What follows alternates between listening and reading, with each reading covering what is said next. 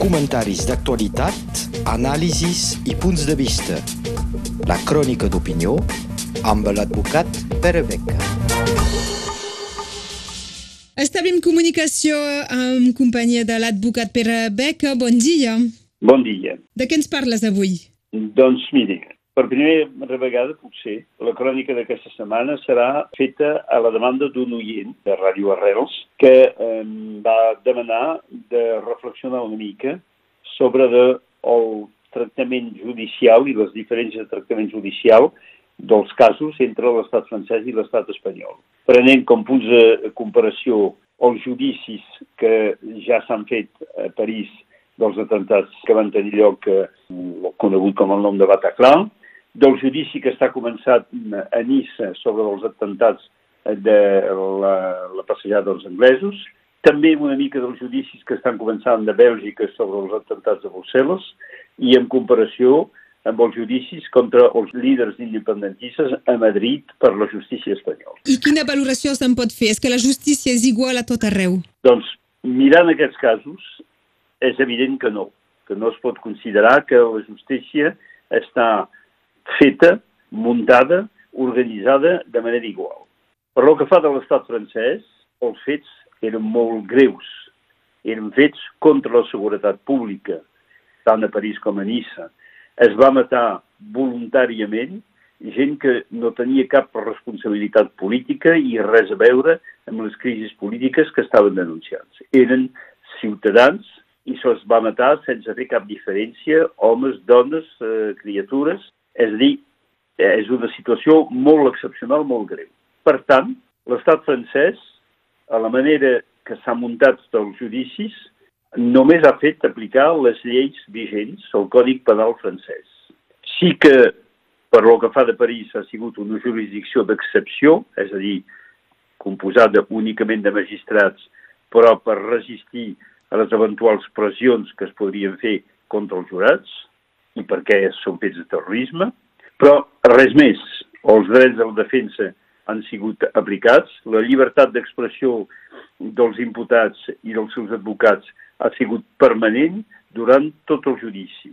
I les penes requerides l'han sigut discriminadament. És a dir que, tant el cas de París com el de Nissa actualment, a Nissa eh, els imputats compareixen eh, a davant de la jurisdicció del lloc que es van fer els atemptats, llavors que el cas d'Espanya ha sigut a Madrid, i davant d'una jurisdicció normal perquè el principal autor s'ha mort i que els altres no estan convocats per la justícia només per haver-ho d'alguna manera ajudat.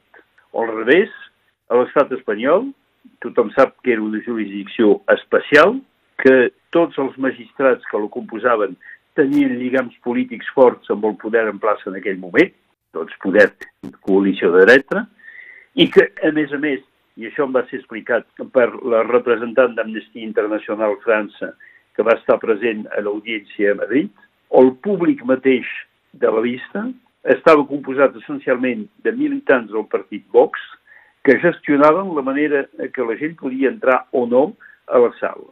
És a dir, que tot era muntat per posar un ull molt crític sobre l'actuació dels polítics catalans i evitar que hi hagin reaccions favorables de part de la sala i dels assistents, inclús les relacions entre els advocats de la defensa i el tribunal van ser molt dolentes perquè cada vegada que aquests advocats es van aixecar per demanar alguna cosa, processalment, se'ls hi va refusar i refusar a vegades de manera molt incorrecta.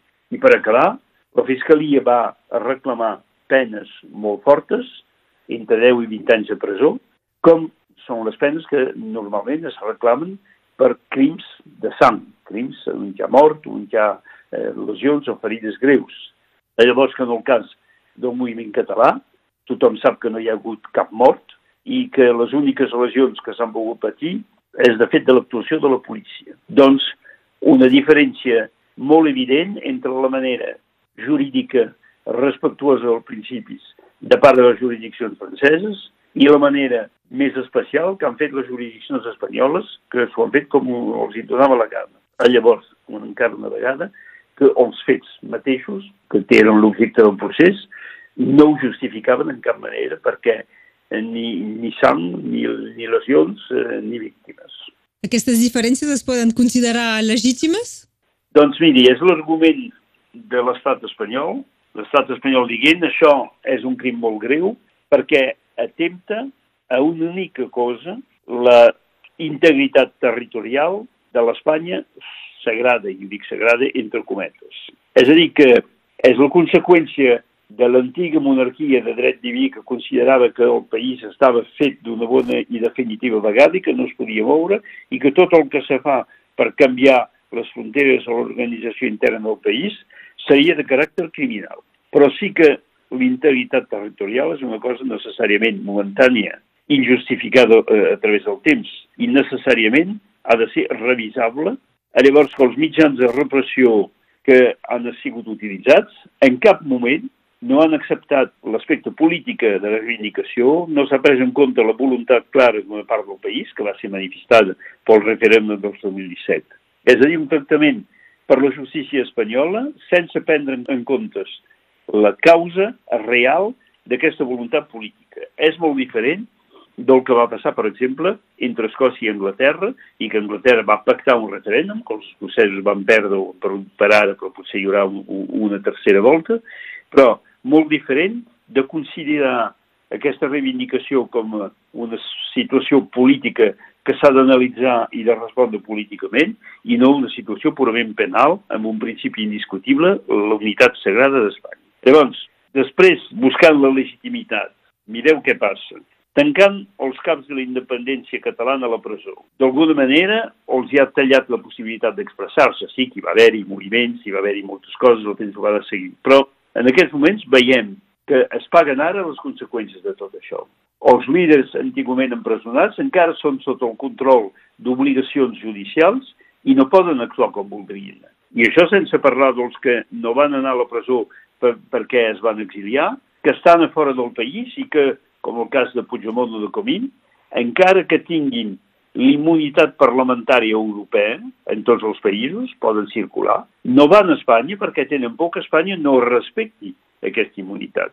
I la conseqüència és que hi ha, de la part d'aquests polítics, i és legítim, ho entenem perfectament, una certa temor a actuar, una certa reserva voluntària d'alguna manera i que segurament això és una part que fa que manifestacions com l'11 de setembre hi hagi, comparat anteriorment, poc èxit, 150.000 o 160.000 persones, però comparat al que es feia ja alguns anys, és un 10% de lo que hi havia. Llavors que la justícia francesa, ella, ha quedat amb els seus models de legalitat perfectament justificats. No hi ha hagut passadets, els càstigs demanats per la Fiscalia francesa han sigut proporcionats i, en el cas de París, les penes de presó, quedava molt poca gent present, però les penes de presó que es van donar han sigut d'alguna manera acceptades, ja que no hi ha hagut ni apel·lació ni recurs de qualsevol manera. Llavors, que en el cas espanyol, no hi havia cap possibilitat de recurs.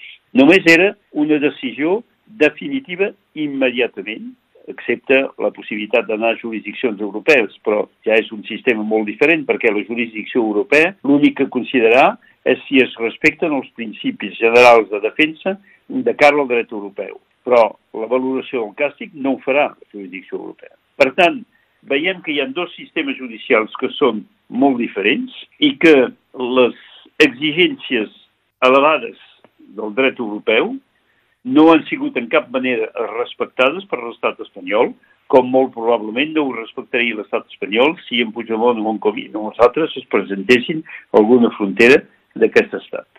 Doncs és difícil de dir que eh, aquesta situació de part de l'estat espanyol és legítima.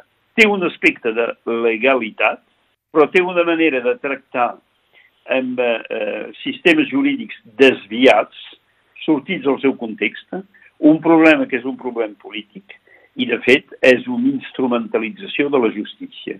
I això és un perill molt greu, perquè ja sabem perfectament, i els exemples són molts, de cara, per exemple, als règims comunistes dels anys 50. Molts de pressions a través de judicis que han fet callar l'oposició d'aquests països i que han deixat impossible l'expressió de la democràcia en aquests països, en aquell moment, als anys 50, tota l'Europa de l'Est, a Budapest, a, a diferents eh, països, hi ha hagut judicis que van tallar d'aquesta manera la possibilitat d'expressió. I això és el que està buscant en aquest moment l'estat espanyol, amb prou habilitat, potser, però amb el fet que potser arribarà també un moment que no es podrà deixar el tap sobre de l'olla i que això eh, fa bullir per sota i hi haurà d'haver-hi una sortida. I la sortida, al meu punt de vista, ha de ser una sortida política, és el que demanem de fa molts anys. Ja veurem com les coses van més endavant. Moltes gràcies per haver-me escoltat. Moltes gràcies, Pere Beca. Comentaris d'actualitat, anàlisis i punts de vista. La crònica d'opinió amb l'advocat Pere Beca.